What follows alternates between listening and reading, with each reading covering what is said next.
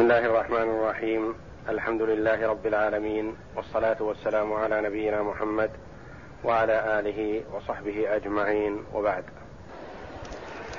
اعوذ بالله من الشيطان الرجيم فلا تحسبن الله مخلف وعده رسله ان الله عزيز ذو انتقام يوم تبدل الأرض غير الأرض والسماوات وبرزوا لله الواحد القهار وترى المجرمين يومئذ مقرنين في الأصفاد. سرابيلهم من قطران وتغشى وجوههم النار.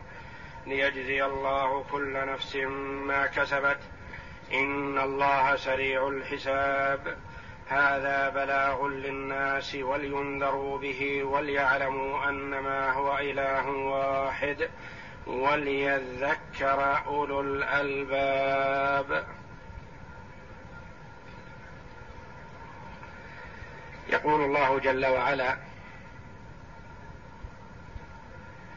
ايناسا لقلوب عباده المؤمنين فلا تحسبن الله مخلف وعده رسله. فالله جل وعلا وعد رسله بالنصر. كما وعد المؤمنين مع الرسل بذلك. ولينصرن الله من ينصره. إنا لننصر رسلنا والذين آمنوا في الحياة الدنيا ويوم يقوم الأشهاد. فوعد الله جل وعلا لرسله والمؤمنين بالنصر محقق وهو جل وعلا لا يخلف وعده. فلا تحسبن الله مخلف وعده رسله. مخلف مفعول ثاني لتحسبن. لا تحسبن الله مخلفا. مخلف مضاف ووعده مضاف إليه. ووعد مصدر. له معمول مفعول. ورسله منصوب مفعول للمصدر وعده. مخلف مضاف ووعده مضاف إليه. رسله مفعول لوعد. وعد مصدر يعمل عمل الفعل. فلا تحسبن الله مخلف وعده رسله. يعني إذا تأخر النصر تظن أن الله يخلف وعده. ليس الأمر كذلك. فالله جل وعلا وعد المؤمنين بالنصر ووعد الرسل بالنصر وهو جل وعلا لا يخلف وعده. وهناك فرق بين الوعد والوعيد. فالوعد الوعد بالخير. والله جل وعلا إذا وعد أنجز وعده. والوعيد في الشر.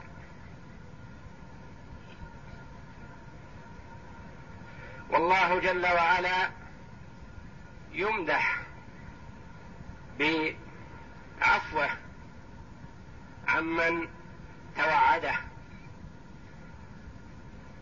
والمتوعد إما أن يكون محل للعفو كالموحد إذا حصل منه معصية كبيرة من كبائر الذنوب فهو متوعد بالعقاب.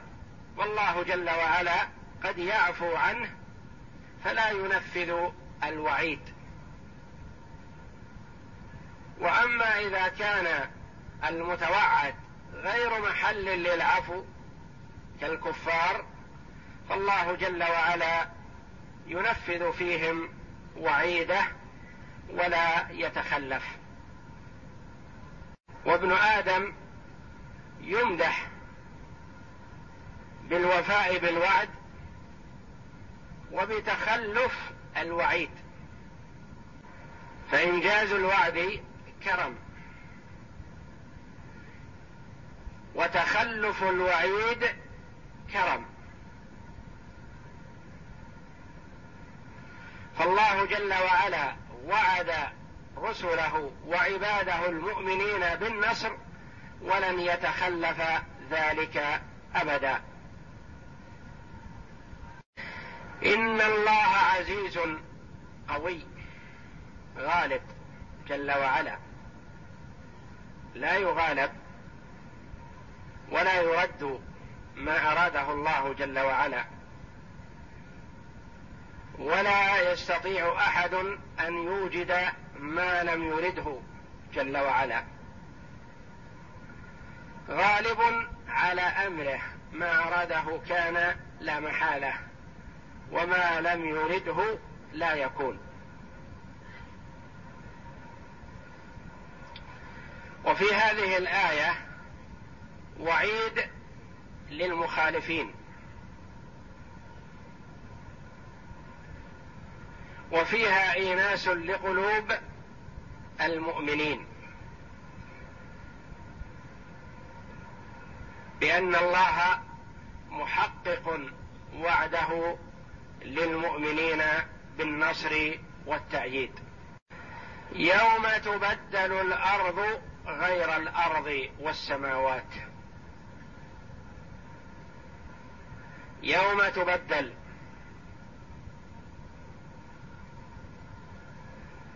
يوم يجوز أن نقول فيه بدل من يوم يأتيهم العذاب. وأنذر الناس يوم يأتيهم العذاب. يوم تبدل الأرض غير الأرض. والسماوات.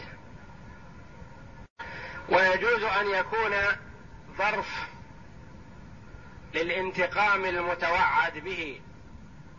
في قوله جل وعلا إن الله عزيز ذو انتقام يوم تبدل الأرض غير الأرض. ينتقم جل وعلا من الظالمين متى؟ يوم تبدل الأرض غير الأرض.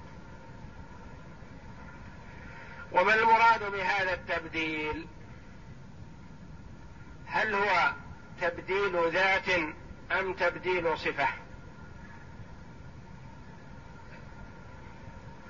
تبديل الذات يعني يؤتى بأرض غير هذه.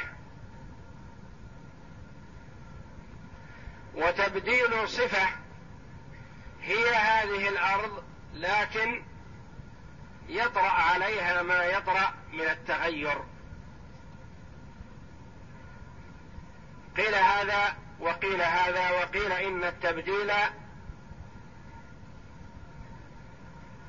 على مرتين المرة الأولى تبديل صفة بأن يزال ما على الأرض من جبال وأشجار وأودية وتسوى كالكف أرضا مستوية لا ترى فيها عوجا ولا امتا. ثم التبديل الثاني يؤتى بأرض غيرها قطعة فضة يعني تكون أرضا مستوية من فضة وقيل تكون متفاوتة بحسب حال من فيها. تكون للمؤمنين كالخبزة يأكل منها المؤمن متى شاء وأراد وتكون للكفار نار حامية. ولما سئل الرسول صلى الله عليه وسلم أين الناس؟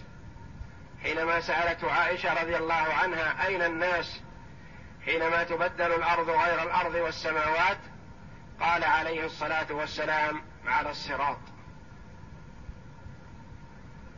وتبديل السماء بأن يذهب بشمسها وقمرها ونجومها.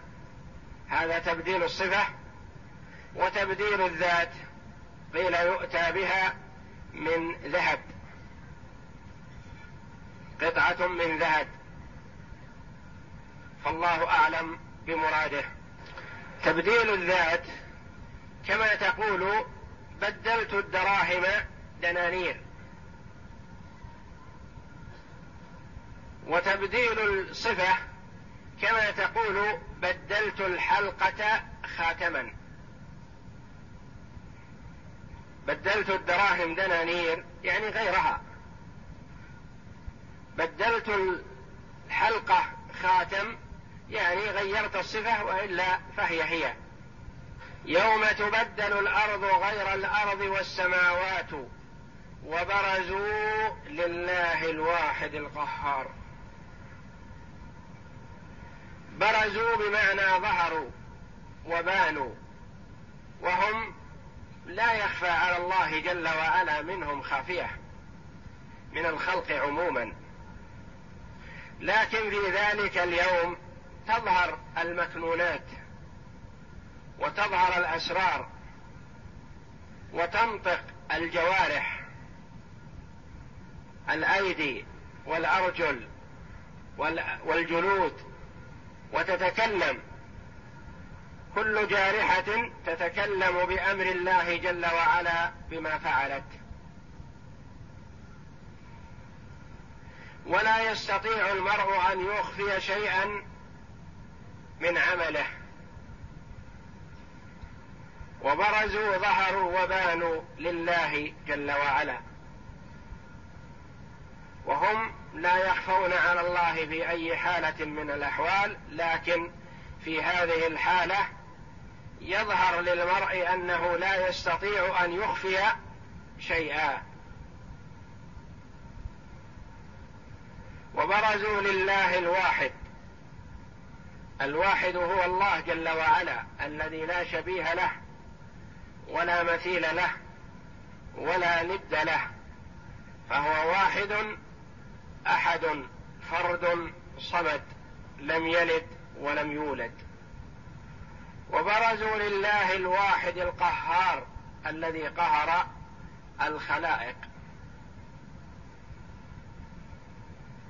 ذو القهر جل وعلا المتصرف في عباده كيفما شاء وأراد ولا يستطيع أحد أن يفلت من يده وهو القاهر المنتقم من الظالمين. وترى المجرمين يومئذ مقرنين في الأصفاد. تشاهد المجرمين وترى هنا بصرية رؤية رؤية عين. ترى المجرمين الذين أجرموا وخالفوا أمر الله جل وعلا وعصوا رسله صلوات الله وسلامه عليهم أجمعين. وترى المجرمين تشاهد المجرمين يومئذ مقرنين. مقرنين مربوطين يعني مقرون بعضهم لبعض. أو مقرون المجرم مع شيطانه. مقرنين مربوطة أيديهم إلى أرجلهم إلى أعناقهم.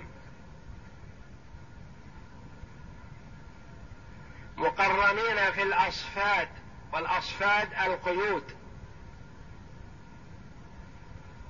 موثقين مربوطين بالقيود القوية. وترى المجرمين يومئذ مقرنين في الأصفاد. الصفد هو القيد القوي المتين.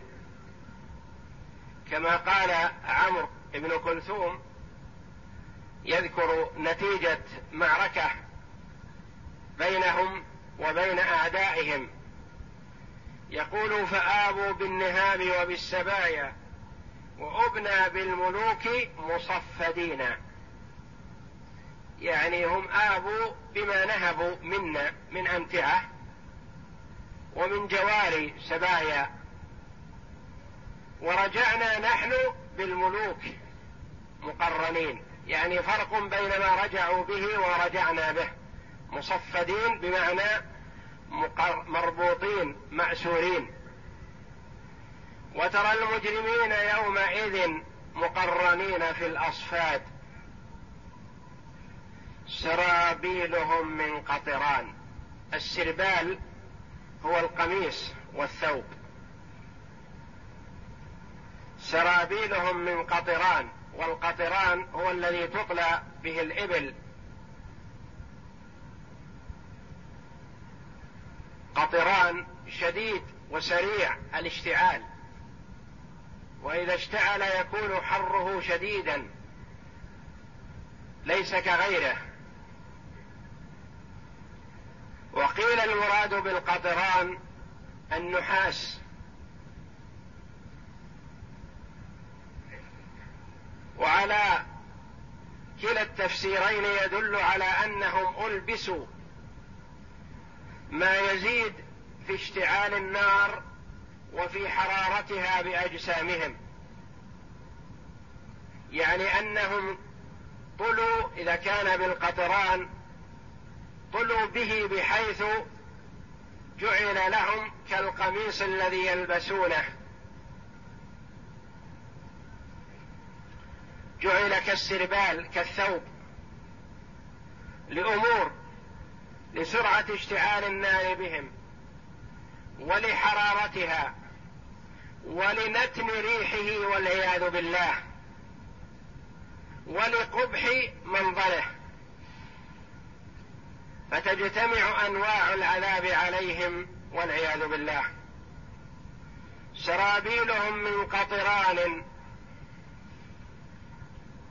وتغشى وجوههم النار.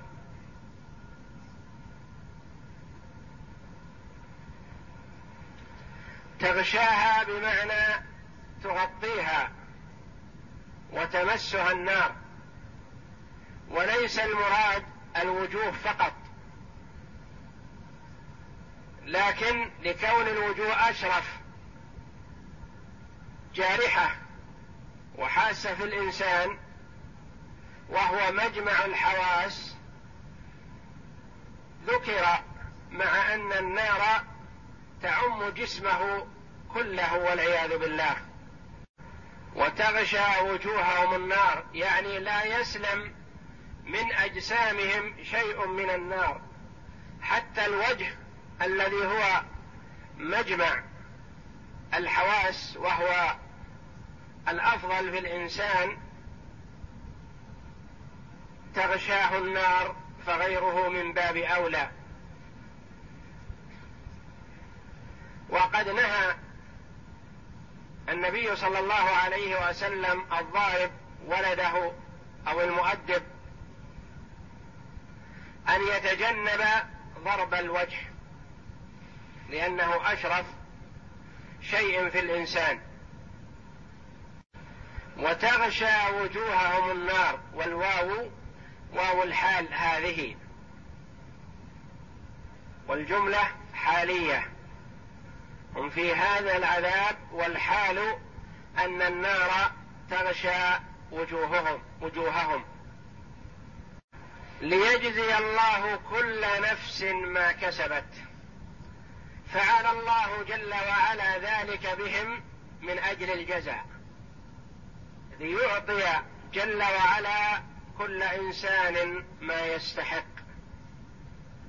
فتعذيبه هذا جل وعلا لهؤلاء المجرمين لما قدموه من الأعمال السيئة. والله جل وعلا لا يظلم الناس شيئا ولكن الناس أنفسهم يظلمون.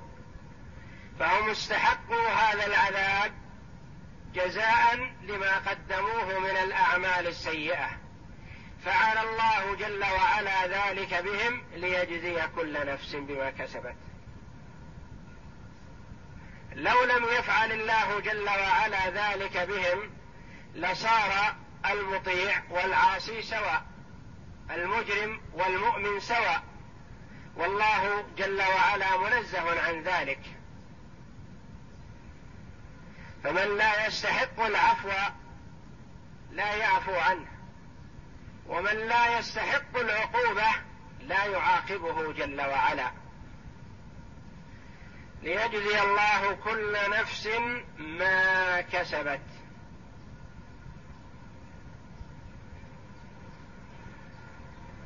أي لينال كل امرئ ما يستحقه. فهؤلاء عذبوا بأنواع العذاب لاستحقاقهم ذلك مقابل ما قدموه من الأعمال السيئة. كما قال الله جل وعلا جزاء وفاقا أي موافق لعملهم السيء. إن الله سريع الحساب. فهو جل وعلا يحاسب عباده بسرعة وفي آن واحد وفي وقت واحد وكل واحد من الخلق يظن أنه هو المتوجه إليه بالحساب وحده. فمهما تصور المرء جل و... سرعة حساب الله جل وعلا لعباده وكيفية ذلك فإنه لا يستطيع.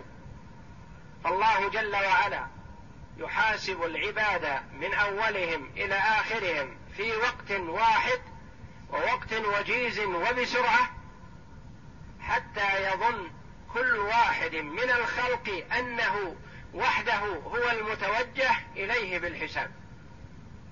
والخلق كلهم كذلك. فلا يشغله شيء عن شيء جل وعلا.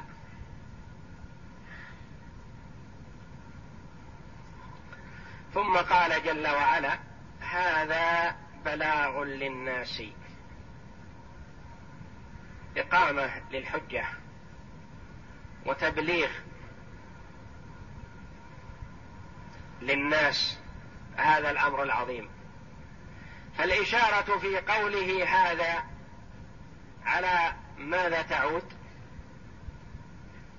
يجوز أن تعود على قوله جل وعلا ولا تحسبن الله غافلا عما يعمل الظالمون إلى اخرها إلى آخر السورة إلى قول هذا بلاغ للناس ولينذروا به.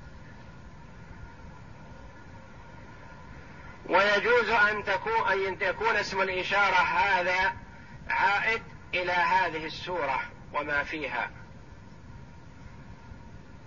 هذا بلاغ للناس. ويجوز أن تكون الإشارة عائدة إلى القرآن كله وما أنزل الله جل وعلا فيه من الوعد والوعيد والأحكام والأوامر والنواهي. هذا بلاغ للناس ولينذروا به ليحصل الإنذار والتخويف لعل المرء يرجع إلى ربه جل وعلا فيستجيب لأمر الله ويتبع الرسل. وما المراد بالناس؟ قيل العموم لأن النذارة للمؤمن والكافر. كل ينذر. وقيل المراد بالناس الكفار.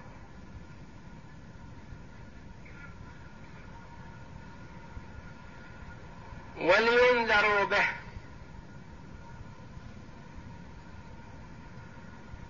ليبين لهم مآل من أطاع الله ومآل من عصى الله.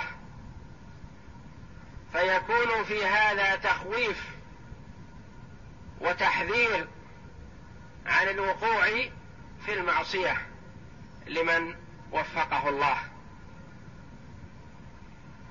ومن لم يرد الله توفيقه تقوم عليه الحجة.